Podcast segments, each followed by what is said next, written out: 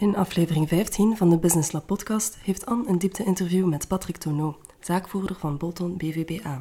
Bolton is een ecologische netwerkdrukkerij, dus specialist voor alle druk- en printwerk.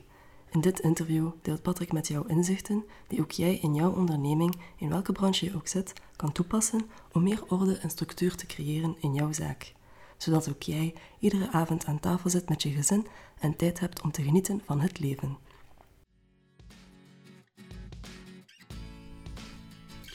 Ben jij zaakvoerder van een kleine onderneming en vind je het lastig om alle facetten in jouw onderneming draaiende te houden? Abonneer dan vandaag nog op onze podcast. Dat kan via iTunes of via Spotify. Zo word je op regelmatige basis geprikkeld om over jouw zaak na te denken. En wil je echt stappen ondernemen en groeien met jouw onderneming, dan nodig ik jou graag uit om kennis te maken met ons en de resultaten die onze klanten ondernemers in hun onderneming halen. Het is namelijk de missie van Business Lab om zelfstandigen te transformeren tot ondernemers en hen te begeleiden op hun pad naar het succes. Zo evolueren ze van een fase waarin het hun hoofdzaak overleven is, naar een fase van succes, van consolideren en verzilveren. En zo creëren ze niet alleen voor zichzelf, maar ook voor hun partner en hun kinderen een comfortabel leven. Ik nodig je daarom graag uit naar de Business Lab Discovery Days op 1 en 2 oktober. Ga naar www.ddays.be en registreer je vandaag nog. Zo word jij straks een opgenomen in een groep ondernemers die samen de handen in elkaar slaan en stappen zetten naar resultaten om fier op te zijn.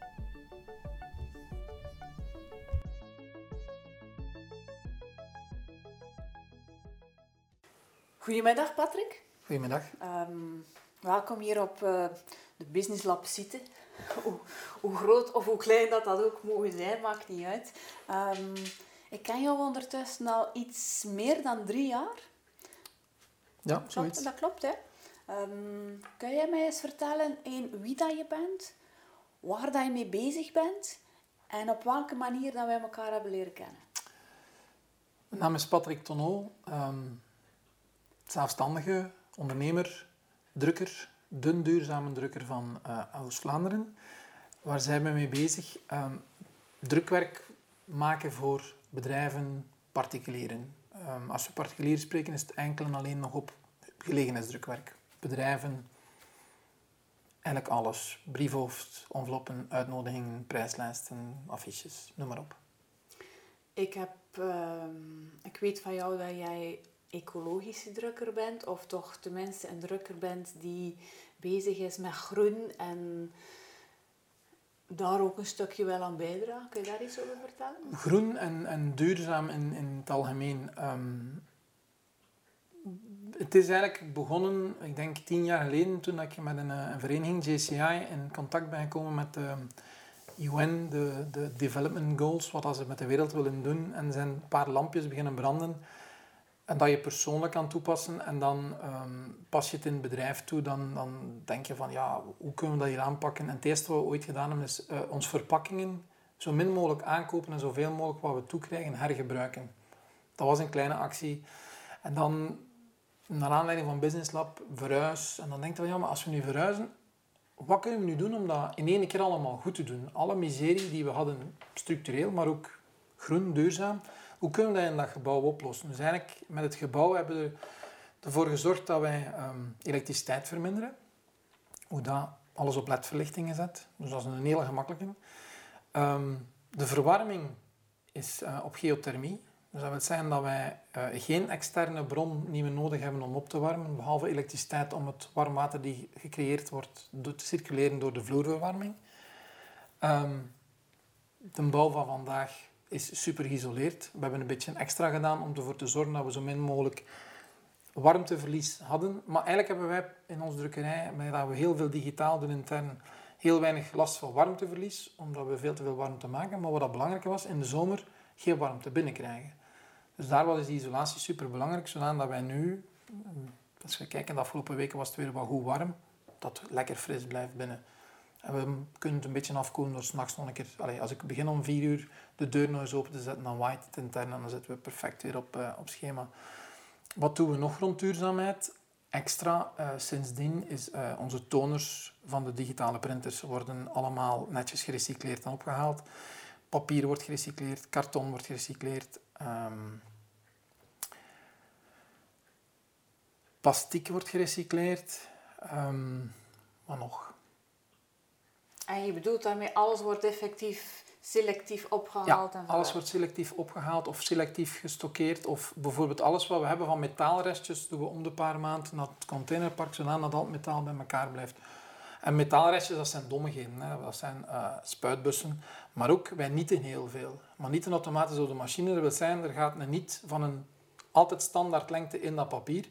En dan knipt hij dat af. Dus dat wil zijn, bij elk nietje dat we doen, hebben we twee stukjes over.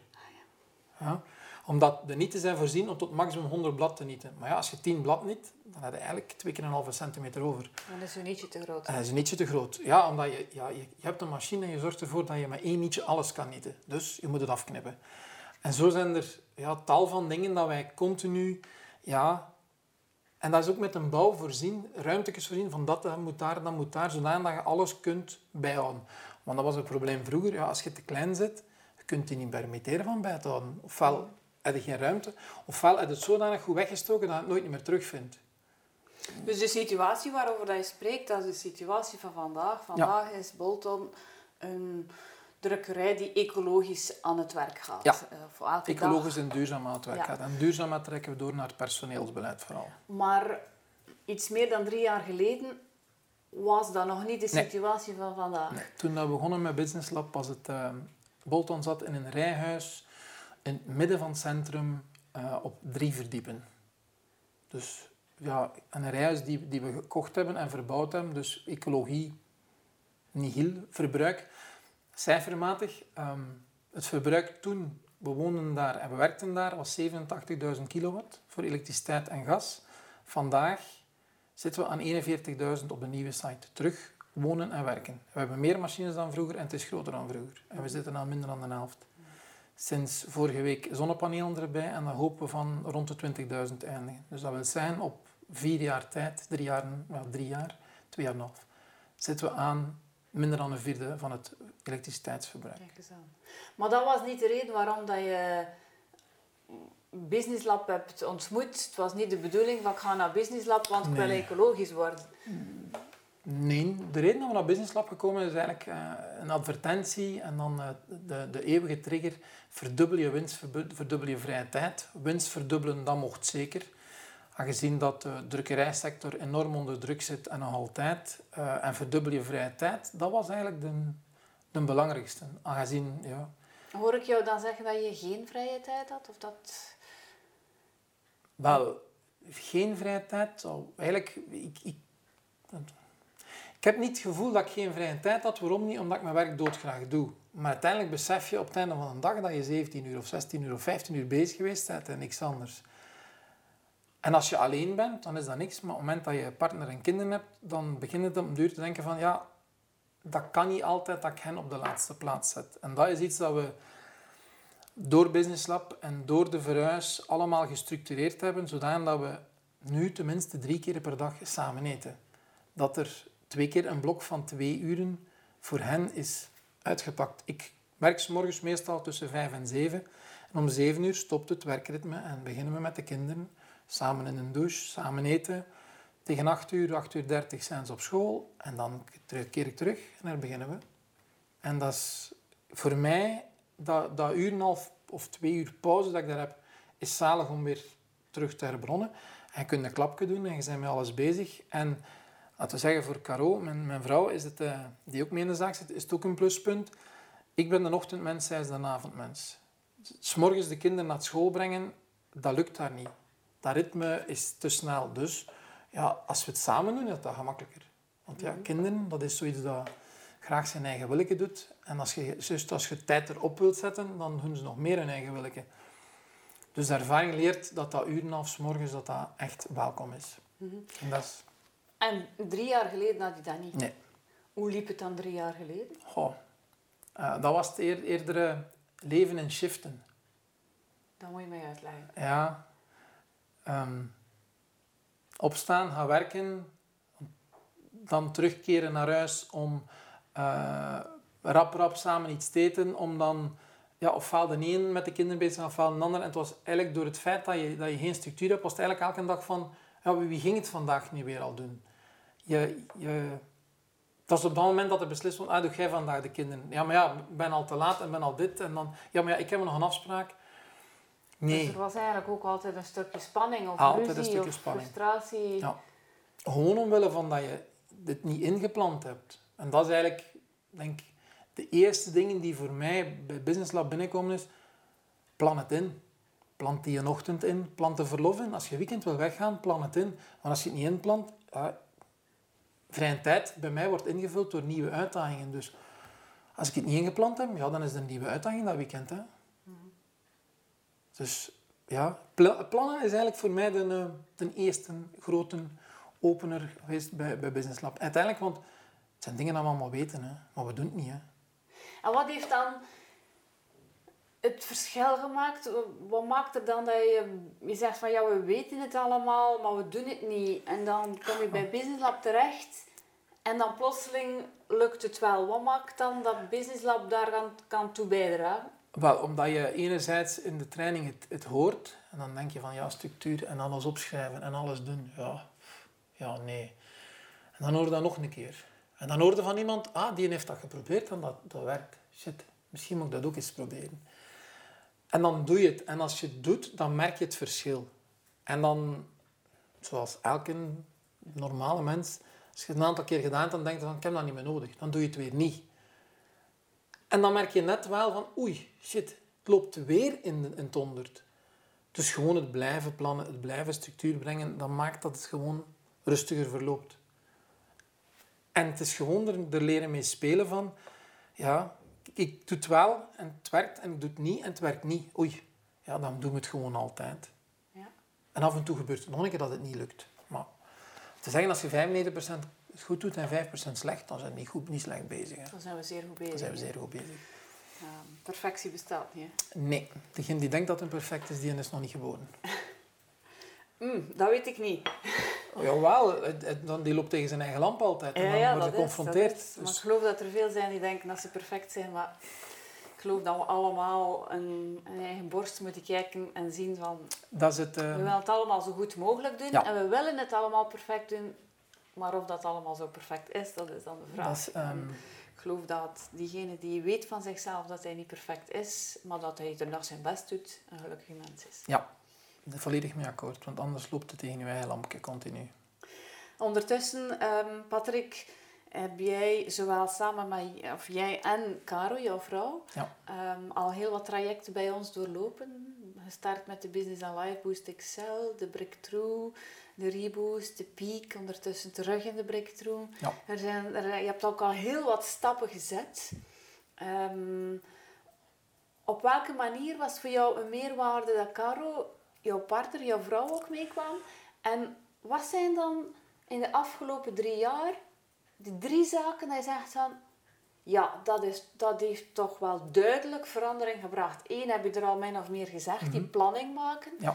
Ehm, maar ik geloof dat er nog zijn, want je hebt wel ongelooflijke resultaten neergezet. We, gaan, we gaan beginnen met jouw eerste deel van de vraag. Waarom Caro erbij? Ehm, omdat ik merkte, als ik een training... ehm allee, als, vooral de eerste keer zelf, de, de, de Discovery Days, toen nog de, Kick-off. de kick-off, als je die doet, en je komt s'avonds thuis, eigenlijk kun je dat niet uitleggen dat, je, dat jullie dat uitgelegd hebben. Dus ofwel leg je het verkeerd uit en komt het niet goed over, ofwel zeggen van, weet je wat, je moet meegaan. Zodat we het samen ondervinden. Ehm, we hebben gezegd, ja, we gaan het samen doen, maar we gaan het ook apart doen. We hebben eigenlijk dit eerste traject hebben op dezelfde periode ongeveer gedaan, maar niet samen. Zodanig dat we eigenlijk er konden over babbelen. Hoe heb jij het ervaren? Hoe heb jij het gezien? En wat, wat, wat komt er bij u binnen? En wat komt er... Allee, ja, hoe ervaart het allebei? En daar maakte dan uw mengeling van. Ik denk de eerste dingen dat we daaruit beslist hebben, ehm, en dat is weer die structuur, is dat we ehm, samen vergaderen over de zaak. Apart. Dus dat we zeggen van niet, we gaan even eten en dan pakken we ertussen terwijl de kinderen... Nee, nee, kinderen zijn in bed en we gaan Dan samen zitten en we gaan dan praten over wat er van de week gebeurd. Wat willen we in de toekomst doen? Hoe zien we dat zitten? Waarom zien we dat zitten? Wat ga jij doen? Wat ga ik doen? Hoe zit het in elkaar? Agendas afstemmen. Voilà, dat gaan we nu doen. En ook dat, dat bracht weer, net zoals bij, die, bij dat ontbijten en bij dat eten samen, dat brengt rust. Want dan weet iedereen van wat dat er verwacht wordt van elkaar. En er is geen stress van, ja, weet dit nog wat? Nee, nee, het is opgeschreven. Voilà, dat is duidelijk. Ehm, ook dankzij dan weer die structuur hebben we daar ook beslist van, kijk, er zit te veel in Caro haar kop van de dingen die zij doet, te veel in Patrick zijn kop van de dingen die hij doet. We moeten, als we personeel hebben, moeten we zorgen dat ze het op dezelfde manier doen als wij. Dus we moeten het dan uitleggen, maar uitleggen alleen is niet genoeg, want volgende week weten ze dat niet meer. Nee, ze moeten het opschrijven. En we zijn begonnen met op te schrijven per machine. Allee, zij hebben moeten opschrijven van wat doet dat machine? Wat, waarvoor dient het? Uh, wat moet erbij liggen? Welke dingen hebben we er altijd bij nodig? En dan bepaalde dingen die we regelmatig doen, hoe doe je ze en waarom doe je ze? En dat allemaal mooi, mooi in, een, eh, in een schriftje schrijven. Het is ondertussen een uitgebreide Word geworden, met veel foto's bij. En dat maakt dat, ehm, als we er niet zijn, dat ze kunnen teruggrijpen. Ehm, we zijn nu bezig met dingen die nog regelmatig terugkomen, dat ik alleen nog doe, qua programmatuur, van dat ook netjes op te schrijven, dat ze dat ook kunnen doen. Maar als gevolg, uh, ik zeg altijd met een barometer, dus als ik een dag op training ga bij Business Lab, als ik vroeger um, daar naartoe ging en kwam ik thuis, acht uur training, zes à acht uur inhaalwerk. Want ja, je zit er een dag niet geweest, je moet inhalen. Er zijn heel veel dingen blijven liggen. Vandaag kom ik thuis en ik doe nog een uur of twee met een mailbox en eigenlijk is het opgekuist. Dus dat wil zijn dat er heel veel dingen al automatischer lopen dan vroeger. Nog niet alles, maar ik denk dat dat normaal is, dat we nog moeten naar werken. We hebben sindsdien ook personeel bijgenomen. Uh, de eerste dat we bijgenomen hebben na de verhuis, um, dat was Stef. En dat was zo, ja, ja, we weten dat we moeten hebben, maar ja, we zijn niet zeker dat we kunnen betalen, omdat het is een totaal nieuwe functie. Ja, het begeleiden van drukwerk, dat was hetgeen dat ik deed. Ja, ja, gaat hij dat wel kunnen? En we hebben uiteindelijk voor Stef gekozen omdat hij eigenlijk van bij een collega kwam, die stopte. En dat hij eigenlijk voor 70% hetzelfde al deed als ik. Mm -hmm. Maar het gaat, wat doet hij, is het uitbesteden van het drukwerk, het begeleiden ervan, het begeleiden van de klant, klant, de juiste keuzes maken, het waarom. En hij deed dat bij andere leveranciers dan, dan mij. Dus met ons twee samen hebben we een zodanig groot netwerk van collega's waar we elke dag mee samenwerken, dat eigenlijk niet alleen qua werklast een verrijking was, maar ook qua netwerk een verrijking was. Dus dat was iets dat we in het begin niet, allee, nooit verwacht hadden, dat dat zo goed en zo vlot ging werken. Maar ja, laten we zeggen, op de training hoorde van ja, je moet personeel aanwerven, dat gaat u helpen. En dan denk je van ja, maar ja, als ik op het einde van de maand mijn rekening maak, ga ik hem wel kunnen betalen. Als we in het verleden iemand aannemen, was het altijd van... Ik moet tot over mijn oren in het werk zitten en ik moet dat overschot hebben op het einde van de maand en dan pakken we hem aan, want dan hebben we geen risico. Nu hebben we gemerkt, door het risico te nemen, dat we meer omzet halen en meer rust. En wat zijn de zaken, de, de criteria dat je vandaag op kijkt van vooraleer dat je de stap zet? Of wat zijn de zaken die nodig zijn, die belangrijk zijn voor jou om de stap te kunnen zetten om iemand extra in dienst te nemen? Wel, we hebben uh, dit jaar een poging gedaan om iemand erbij te nemen. Het is spijtig genoeg niet gelukt, omdat het niet was zoals we dachten. Um, maar daar hebben we eigenlijk gekozen om iemand erbij te nemen, puur om iedereen die er nu al is te ontlasten. Dat zijn, um, de functie die we opgesteld was iemand onthaalmedewerker en een beetje een PR, uh, dus uh, mensen die binnenkomen in de winkel ontvangen, kijken wat hebben ze nodig, uh, goed luisteren, dan de juiste persoon erbij halen een levering komt toe, goed nakijken, controleren. Ehm, als het is voor een, een klant, de klant direct contacteren. Zodat wij allemaal met ons eigen werk bezig konden blijven. Dat we niet om de kwartier gestoord worden door god weet wat. Mm dat heeft anderhalve maand zeer goed gelopen. Um, ik leg de schuld ook een deel bij ons, niet alleen bij de medewerker in kwestie. Um, het is een nieuwe functie. Uh, we weten dat we structuur nodig hebben, maar toch hadden we ze niet uitgeschreven. En we hebben gezegd van, we gaan ze systematisch wel invullen. En ik denk dat dat de grootste fout geweest is. Uh, want de persoon in kwestie was wel goed in hetgeen dat uitgeschreven werd. En als ze meehielp. Maar als ze een beetje vrije tijd had, werd er verwacht dat ze andere dingen deed, wat al wel in grote lijnen beschreven was. Maar dat was niet genoeg voor haar. Ze had niet genoeg aan die grote lijnen. Dus dat is een leerschool dat we weer ondervonden hebben. Maar dat we gezegd hebben van ja, we gaan nu... Het is nu in het begin van de moeilijkste periode, dus het is niet... Allee, de moeilijkste, drukste periode. Uh, het is niet het moment om hem nu erbij te nemen, maar we gaan... De drukste periode van het jaar voor jullie? Ja. Uh, kort geschetst, cijfermatig, wij doen van half augustus tot eind december evenveel omzet als dat we doen van januari tot half augustus. Mm -hmm. Dus dat is niet het moment om er iemand bij te nemen, zeker niet als je hem goed wil begeleiden. Je kunt er hem bijnemen als hij... Allez, een stef zou je kunnen bijnemen, dat je direct kunt zetten en doet dat.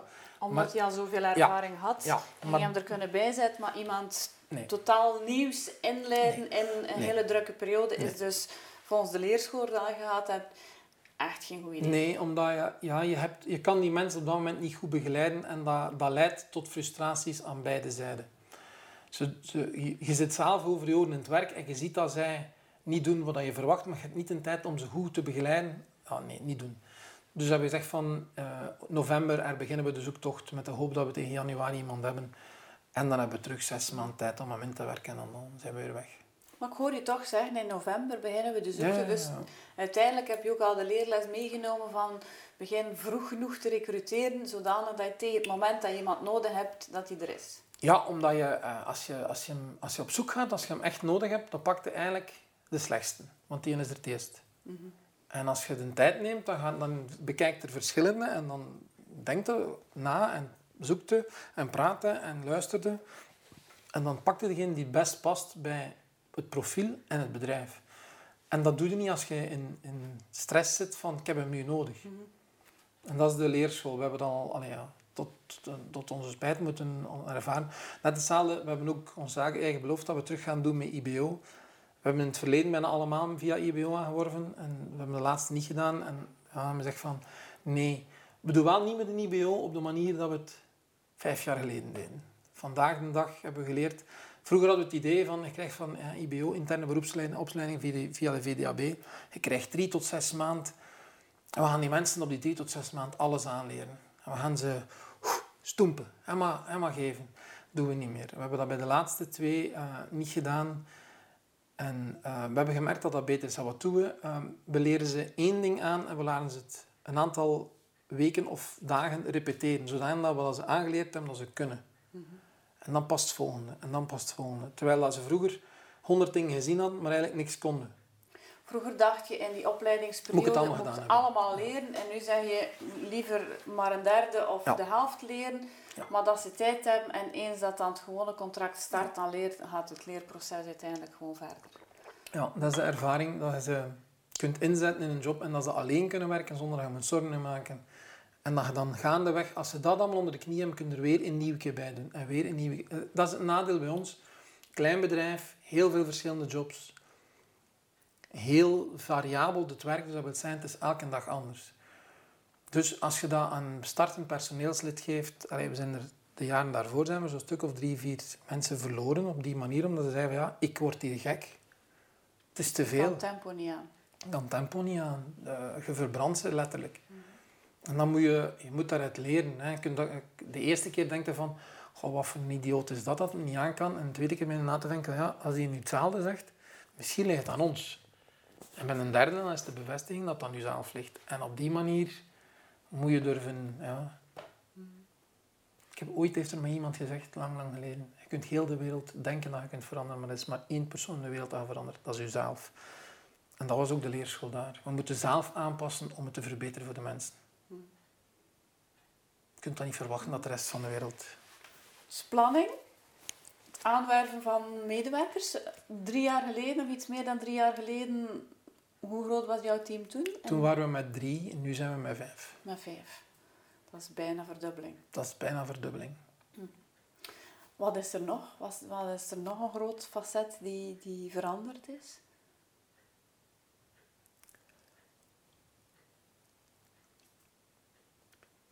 Um, ik denk het, het grootste... Um... Moet je een briefje hebben? Ja. En mijn briefje kwijt. Ik heb, ik heb al te veel gebabbeld. Ah, ja, eigenlijk, eigenlijk degene die we in het begin gedaan hebben, is nog vergeten te vertellen. Duidelijke keuzes maken wat dat we gaan doen. En dat is eigenlijk een van de eerste dingen dat jullie zeggen. in de training, ja, je moet, je moet je ideale doelgroep kiezen, je moet je ideale product kiezen. We hebben een nadeel dat ons product drukwerk, dat is één ding, maar er bestaan zodanig veel soorten drukwerk.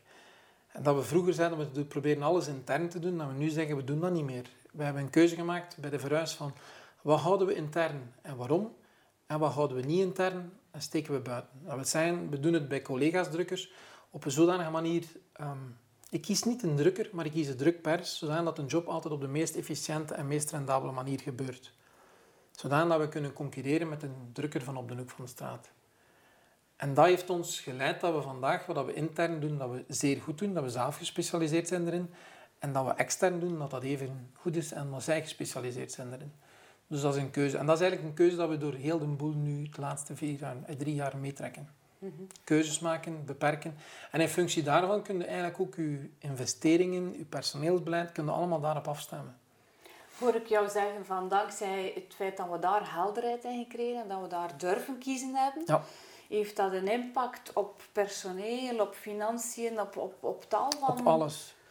Kun je, kun je één aspect daarin duidelijk maken van door die helderheid of die keuzes dat we gemaakt hebben, ja, heeft dat in, in, in die ruimte zoveel impact opgeleverd? Wel, het heeft vooral impact in het feit dat je, um, dat je keuzes gaat maken wat dat je gaat doen en dat je niet meer overinvesteert. Dat je beperkt in de machines die je intern houdt en dat je uh, goed uitkijkt je gaat naar een beurs, je ziet een toffe machine en denkt van ja, dat is wel leuk.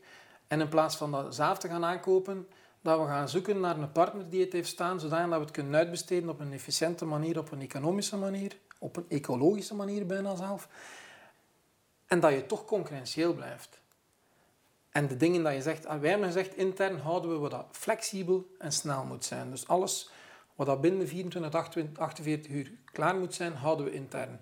En daar hebben we ook ons machinepark op afgestemd, op dat. Dus dat wil zijn, als we moeten ringen, wat we vroeger manueel ponsten, ponsten we nu automatisch. Dus een bundel wordt erin gelegd, papier wordt opgepakt, wordt geponst, wordt eruit gezwierd. Gevolg, je doet drie keer of vier keer zoveel op dezelfde periode.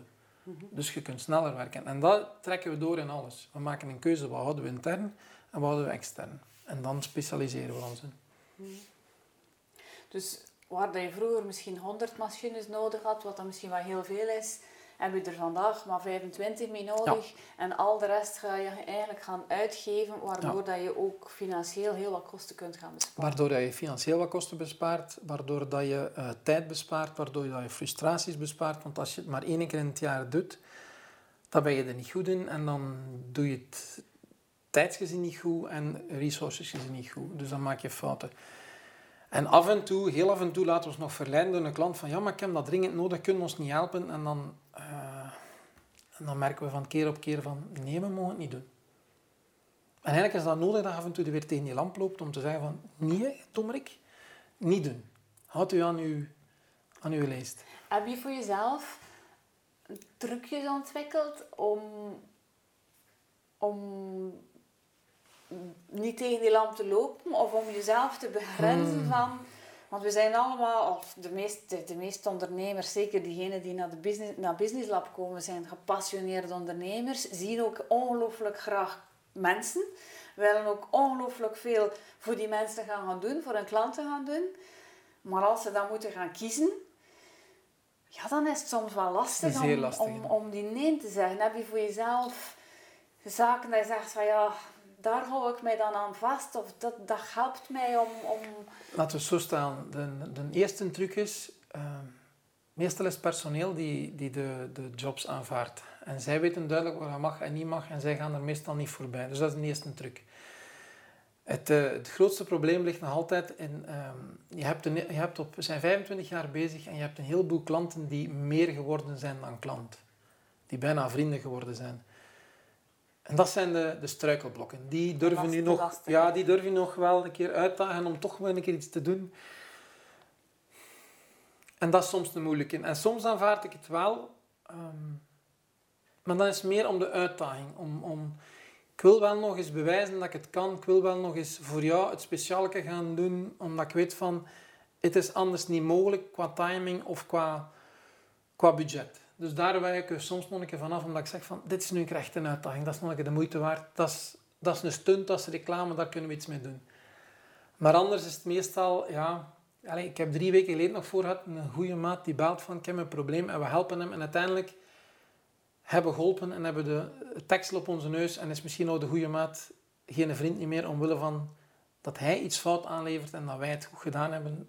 Maar het finaal was het niet hetgeen dat hij wou. Waarom? Bestand is fout. Ja. En je doet het, je krijgt een oproep om 8.30 uur de vrijdagavond en je moet het de zondag hebben.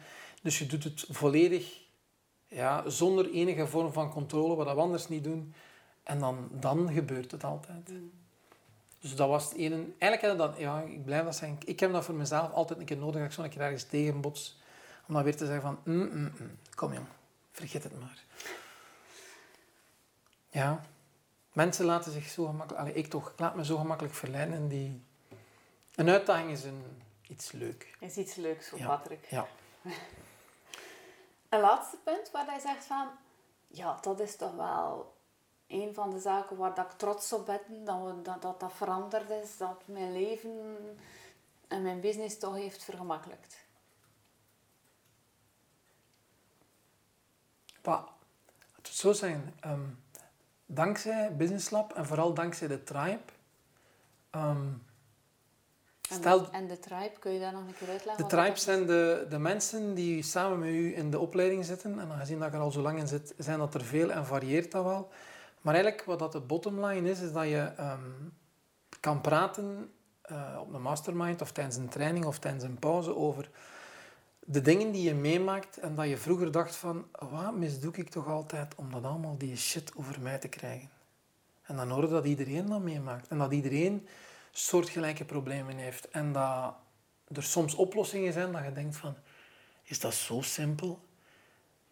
Dan, dat is voor mij de grootste verrijking geweest. Dat je uh, een klankbord hebt waar je je, je miserie kwijt kan, dat je een hulplijn hebt die dingen meegemaakt heeft dat je zelf meemaakt. Dat je merkt dat je niet alleen bent met diezelfde problematiek. Dat we, dat we het niet veroorzaken, maar dat het gewoon eigen is aan ondernemen. Dat je, ja, dat je problemen hebt met personeel, dat je problemen hebt met, met banken praten en dat er allemaal oplossingen voor zijn.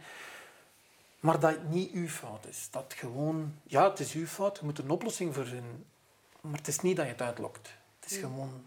En op welke manier is dat dan anders dan dat je gewoon dagdagelijks, want zeker jij als drukker, als, als zelfstandige ondernemer, kom je dagdagelijks in contact met mensen. Op welke manier is die Business Lab Pride dan, dan anders dan, dan anders? Ehm, ik denk de openheid naar elkaar toe, de, de manier van communiceren, wat daar verteld wordt, blijft daar. En um, welk probleem dat je ook ter ter berde brengt op dat moment, het is bespreekbaar. Het is, het is, het is niet erg. Het is allemaal normaal. Het, het, het uh, je wordt niet... Allee, die zelfstandigen is weer aan het klagen. Nee, het, het, is, het, wordt bekeken als zijn, het is een probleem, jij zit er nu mee. Oké, hoe gaan we ermee om? Ah, maar ik heb dat ook gehad. Ah, ik heb dat gedaan en ik heb dit gedaan. Terwijl dat anders, ja, je kunt, allee, één naar klanten toe praat je er niet altijd over, want dan ben je aan het klagen. Ik vind naar een klant toe, je mag wel een iets zeggen, maar je klaagt niet. Um, Twee, naar familie. Ja, zij er weer, gaat er zelf voor gekozen. Ja, oké, we hebben er zelf voor gekozen, maar het is anders. En dan maakt het... Allee, de, de, de tribe is voor mij het thuiskomen eigenlijk. Je, je komt ertoe en je kunt je ding vertellen. Mhm. Ik kan met ook ook alles, maar dan blijf je intern in die vier muren zitten. En daar kom je er buiten en merkte dat we allemaal hetzelfde hebben. Het is, ja, het is, een, het is een confrontatie dat we allemaal hetzelfde maar het is tegelijkertijd ook een, een geruststelling.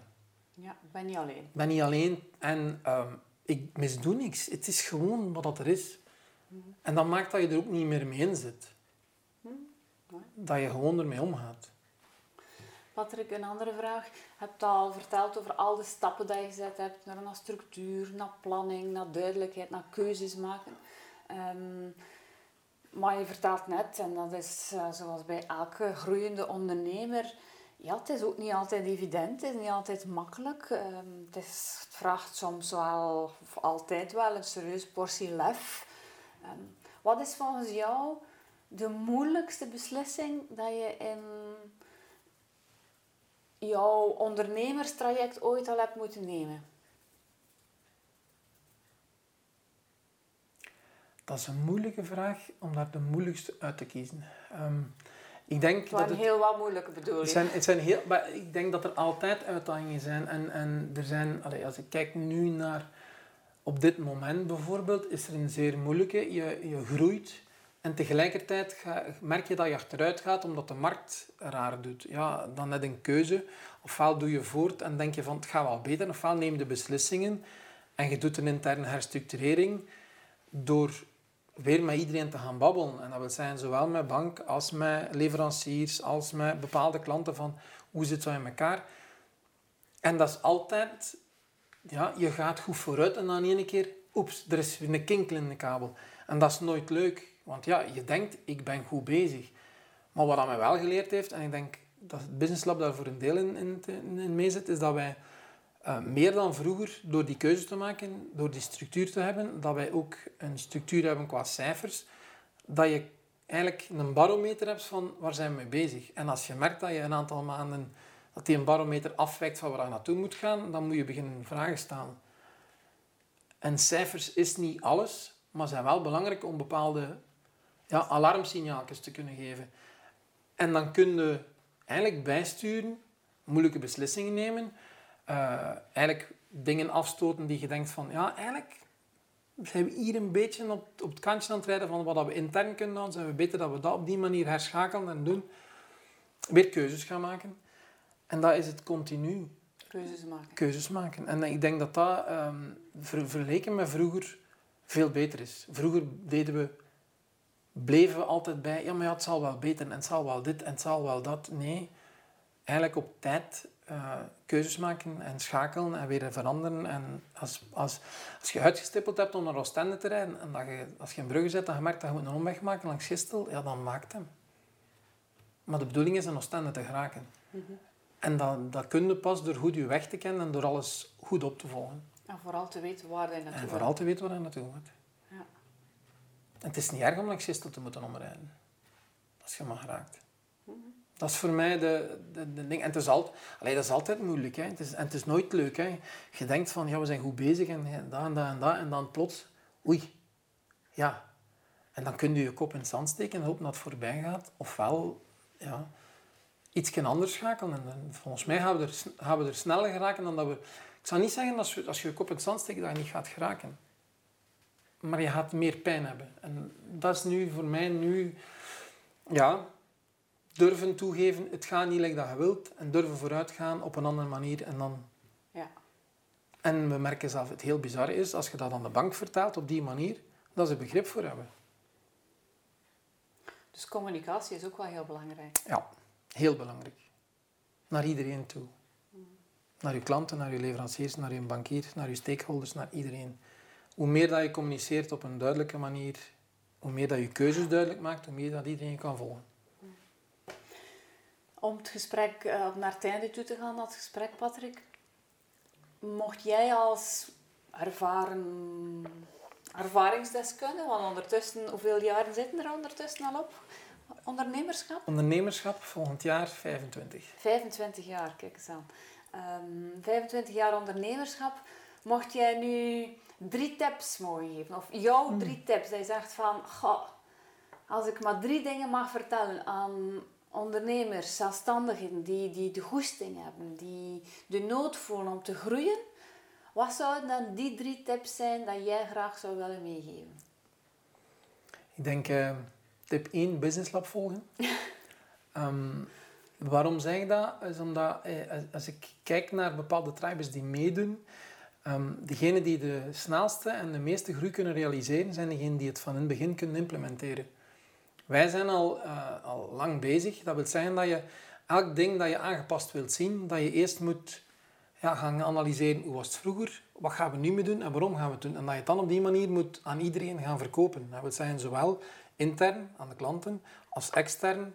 Eh, intern aan het personeel als extern aan de klanten en aan de leveranciers. Want ja, dat is altijd een andere beslissing dat je neemt. Dus het heeft overal een beetje impact. En dat gaat ook niet altijd zo snel. Ik bedoel, je hebt, als je spreekt over machines, het is niet omdat je een machine hebt en dat je zegt, morgen ik ga dat niet meer doen, dat je de machine kunt weggooien, want dat, heeft, dat moet afgeschreven geraken. Dus dat is de eerste tip. Um, tweede tip is zeker durven die keuzes te maken, durven eigenlijk vernauwen, durven nauwer beginnen dan dat het te breed begint. En, en, liever een niche kiezen dat je begint en gaandeweg groeien, dan in het begin alles willen doen en niks goed zijn. Dat is een tweede tip. En uh, ik denk de derde tip, um, geen bang hebben om, iets, om een risico te nemen. Ik zeg altijd, risico's moeten nemen, maar je moet ze, moet ze beredeneren. Dus dat wil zijn, eigenlijk wat, dat, wat, dat, wat dat de bank u voorschrijft vandaag, je moet een businessplan maken, is eigenlijk het beste. Denk na over, je, over je dingen waar je naartoe wilt. Wie is uw klant? Waarom wilt het gaan doen? Um, hoe ga je het bereiken? En hoe, door het allemaal neer te schrijven, zit het, allee, het zit niet alleen maar in je hoofd, maar je hebt het geschreven, het is duidelijker en je weet, je weet meer waar naartoe. Het is al een eerste fysieke realisatie. Ja, terwijl als ik kijk, 25 jaar geleden was het ja, vinger in de lucht, kijken van wat er de wind komt en we zullen wel zien waar we geraken. Het is gelukt, hè. Aan, aan hout tot nu toe lukt nog altijd. Maar we merken als we het duidelijker uitschrijven, het, is zeer bizar. Um, kleine anekdote. Um, in een training zeg je, ja, je moet, je moet dus een aantal van je klanten op, opbellen en uh, een gespreksje doen en begin met gewoon van, hoe gaat het met jou? En je luistert. En ik zit op een avond eraan te denken en ik schrijf drie namen op. En deze moet deze week bellen. Ik heb ze niet gebeld. Zij hebben mij gebeld. Universum heeft ja, geantwoord. Hoe bizar dat dat ook kan zijn, dat je, dat je op het moment dat je erover schrijft, dat ook uitkomt. En ik denk dat dat net hetzelfde is met dat businessplan, door het feit dat je het opschrijft, dat je mee bezig bent, dat je, als je het naar voor een bank schrijft, zeker dat je nog eens getriggerd wordt over elke ding die je schrijft, van waarom zit dat zo en hoe dat je het ook duidelijker maakt in je hoofd en dat het makkelijker gaat om naartoe te gaan. En dat is weer hetzelfde, dat is die keuzes. Ja, ja. Hoor ik je dan ergens zeggen, in de plaats van constant met ons handen in onze onderneming te zitten, is het belangrijk om af en toe een keer afstand te nemen en hoe, minder fijn dat we dat ook vinden om met die stilo en dat blad papier te werken, toch is het belangrijk om een keer je ideeën te ordenen en een keer te kijken naar datgene wat je voor ogen hebt. Ja, dat is zeker belangrijk. Dat is de reden dat ik met, met Caro regelmatig die werkvergadering noem, naar ons werkvergadering. En soms is dat op restaurant dat we dat doen, omdat we dan de rust hebben dat we geen externe telefoon hebben, of doen we dat s'avonds, maar dat je erover bezig bent, dat je terug op dezelfde golflengte zit en dat je eigenlijk een van de belangrijkste dingen, wij, wij werken heel snel en heel, um, heel flexibel. Maar je kan dat alleen maar doen als je weet wat de rest ook mag doen. En als je afspraken hebt met elkaar. Het, is, het is zo confronterend als je een anders in de agenda gaat herschikken. Dus als je weet van van de week is dat en dat voorzien, en dat is vrijheid, ja, dan kun je daar dingen in plannen. Als je dat niet hebt, dan gaat dat niet. En dat is voor mij bijvoorbeeld het belangrijkste, om elke dag s morgens nog sommige mensen verklaren me zo, tussen vijf en zeven of tussen vier en zeven dat ik wakker word, te werken, is, dat is mijn drie uur of twee uur ordening in mijn hoofd van wat moet er vandaag allemaal gebeuren en hoeveel vrije tijd hebben we er nu nog in? Wat kunnen we nog, als er iets, iets dringend binnenkomt, wat kunnen we aanvaarden en hoe kunnen we het aanvaarden? Mhm. Waar heb ik nog ruimte? Als ik dat niet doe, ja, dan, dan is het warhoofd in mijn... Waar dat je misschien vroeger dacht, als ik een planning maak, leg ik mezelf aan banden en, en geef ik mezelf geen vrijheid meer, ervaar je vandaag eigenlijk net andersom. Door een goede planning te maken, krijg, ik, krijg ik terug rust en ruimte. En ik sla er meestal in na, na mijn ochtendshiftje, dat de voormiddag voor het personeel zo goed als vol zit en dat ik daar ook geen rust, eh, geen, de rust heb dat ik ze niet meer moet opvolgen. Ze komen toe, dat is vijf minuten bij elk van dat en dat verwachten we deze morgen, dat moet er gebeuren. En ze zijn weg. En ik heb een voormiddag terug vrijheid om andere dingen te doen. En dat is, dat is werken, dat is, dat is aan de zaak werken, dat is in de zaak werken, dat is offertes maar Dat is eender wat, maar je wordt daar niet minder in gestoord. Niet is altijd een gevaarlijk woord, maar minder in gestoord. Patrick, ondertussen anderhalf, meer dan drie jaar bezig met Business Lab, na toch al een hele voorperiode van ondernemen. Um, een paar weken geleden heb je samen beslist met Caro om er nog een keer drie jaar aan te breien. Je zou denken van, ja maar ja, Patrick is al serieus gegroeid. Hmm. Wat maakt er nu dat je nog een keer drie jaar erbij doet?